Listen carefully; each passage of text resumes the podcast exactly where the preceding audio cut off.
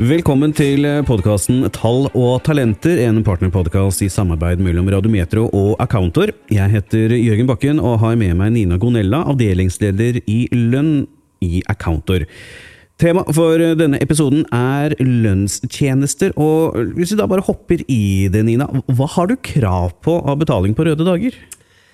Eh, når vi snakker om røde dager, eller bevegelige helligdager, så er det ganske mange. Vi har 1. og 17. mai, og så har vi første nyttårsdag, skjærtorsdag, langfredag, andre påskedag, andre pinsedag. Eh, og det er litt forskjellig på de to dagene. Ja. Det er på 1. og 17. mai så har du krav på betalt. Du har det? Du har krav på betalt. Men det vil jo som regel da bare gjelde de som er timeslønna. For de som er månedslønna, de har jo allerede dagene betalt i lønna si. Ja. Så de som er timeslønna, de har krav på betaling den dagen hvis bedriften er stengt. Og det ikke er en annen helligdag. Men hvis da bedriften er åpen? Og du jobber? Ja. Da får du betalt. Eh, og du skal minimum ha 50% tillegg på de dagene i tillegg til timelønna di. Men hva da med de andre røde dagene? Sånn som første nyttårsdag, skjærtorsdag, langfredag, andre påskedag, Kristi himmelfartsdag, annen pinsedag, første og annen juledag. Ja. I dag er det ingen lovbestemt bestemmelse som pålegger arbeidsgiver å betale lønn for disse dagene. Det er ikke det, nei. Nei. nei. Eh, de månedslønna vil jo få månedslønna si, Ja. men det, det er jo de timelønna da som ikke får betalt. Og hvis det da er eh, tillegg for de månedslønnede på disse dagene, så er jo det da en del av en tariff som er utviklet eh, lokalt, da. Ja, tillegget vil være for en timelønna hvis de arbeider. De månedslønna får ikke noe annen type lønn enn månedslønna si uansett. Nei. Men eh, når vi da først er borte i desember måned her, hvorfor er det halv skatt i desember? Det er egentlig ikke halv skatt i desember. Nei. Du betaler skatt resten av året for å kunne betale mindre skatt før jul. Ja, ikke sant? Så totalt sett så betaler du ikke noe mindre skatt uh, i desember, uh, sånn egentlig. Nei, det gjør ikke det. Men skattetrykket vil heller da bli snevra inn på ti og en halv måned istedenfor at det blir delt ut på tolv måneder. Samtidig så opplever jo da mange at eh, det ikke er skatt i sommer, altså til feriepenger. Men trekker man skatt av feriepenger?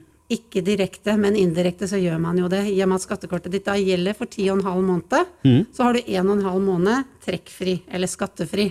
Eh, og det vil si at det er den halve måneden i desember, og så er det feriepengene du da ofte får utbetalt i juni, som er trekkfrie. Ja.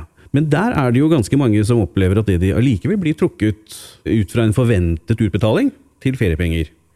Sier at det du da har eh, Du står på eh, lønnsutbetalingen, at det feriepenger du har utbetalt, det er 50 000, og så ender du da opp med å få 40 000, og så står det noen minusdager og sånn. Hva, hva er det det kommer av? Eh, De, de månedslønnede, stort sett, som får ferie, bare feriepenger i juni, de blir trukket for avvikling av ferie. For du får ikke både lønn og feriepenger på, i en måned.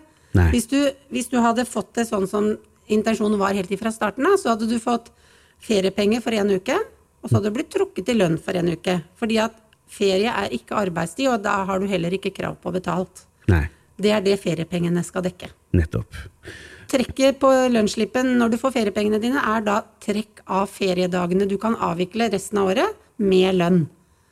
Sånn at har du 25 feriedager som du kan eh, avvikle, så blir du trukket en hel månedslønn, som er 21,67 dager. Og så blir du trukket 3,33 dager til, som gjør at du kan avvikle 25 dager med lønn. Akkurat. Så det, er- det er et eh, regnestykke, det der, altså. Det er det. Ja. Eh, Men hvor mye feriepenger har man egentlig krav på? Hvis du har etter ferieloven 21 dagers ferie, så har du krav på 10,2 av det du tjente og har som feriepengegrunnlag fra året før. Eh, har du 25 dager, så har du krav på 12% feriepenger av det du tjente året før, eller feriepengegrunnlaget ditt året før. Er du over 60 år, så har du krav på 14,3% av feriepengegrunnlaget fra året før. Akkurat. Eh, Men hvorfor denne differensieringen før fylte 60? Det er jo ikke noe rett i Norge til å ha 25 dager ferie. Nei. Den blei tariffesta. Eh, veldig mange bedrifter har adoptert den selv om de ikke har en tariffavtale. Mens ferieloven opererer med 21 dagers ferie. Akkurat. Så de fem ukene, de er faktisk ikke lovpålagte, nei? Ikke, ikke de 21 dagene av de fem ukene, men de siste fire dagene er ikke lovpålagte. Og bare så vi har det på det rene, de 21 og 25 dagene, det er da av typiske hverdager, virkedager. Ja. Ja, så lørdager for øh, en vanlig 8-4-jobb, det er en helg. Det er en helg. Ja. De som da jobber lørdager, og etter ferieloven da skulle hatt 21 dager, vil operere med 25 dager. Hva er reglene rundt ferieavvikling i oppsigelsestid? Ferie du har avtalt før oppsigelsen, den kan du avvikle som avtalt. Eh, arbeidsgiver kan ikke pålegge deg å endre ferien din. Eh, men har du, og det kommer an på om du er innafor eller utafor hovedferien. Hvis du sier opp og skal slutte i oktober, så har du ikke krav på å bruke tre uker ferie fra oktober og ut året. Men, og for hovedferien din er innafra 1. juni til og med 30. september. Der har du krav på å kunne avvikle tre uker sammenhengende. Og avtalt ferie da før oppsigelsen, den har du krav på å avvikle.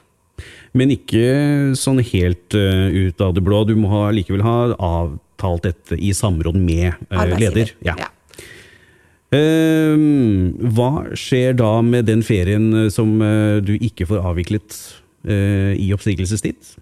Den får du utbetalt den dagen du slutter. Da får du et sluttoppgjør hvor du får utbetalt enten da feriepengene dine som er igjen for de dagene, eller så får du utbetalt de dagene du ikke da har fått avvikla som du har blitt trukket for.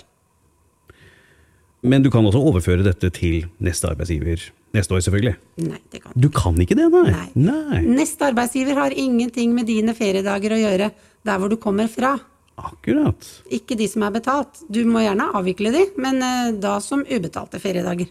Ja, Men du har allikevel krav på ferieavvikling, Du har krav på ferieavvikling. bare ikke feriepengene. Nei. For feriepengene har du fått hos forrige arbeidsgiver. Og de kan du da få utbetalt når du slutter, men du kan vel også få det utbetalt året etter til ferietid? Loven sier at du skal ha det utbetalt på siste ordinære lønnsutbetaling, men det kan avtales mellom arbeidsgiver og arbeidstaker at du venter med å få det utbetalt til neste år. Er det noen skattemessige fordeler av å da vente med utbetalingen til neste år? Du vil oppleve at du får en skattefri utbetaling av feriepengene dine året etter. Eh, hvis du velger å ta de utbetalt når du slutter, så vil det være skatt på de, fordi at de er ikke da en del av de 10,5 månedene du da har betaler skatt for i løpet av ett år. Så den lovpålagte delen den er da ganske streng øh, overfor øh, de ansatte, men det er jo da opp til bedriftens skjønn, da. Eventuelt å da kunne utbetale det til neste sommer.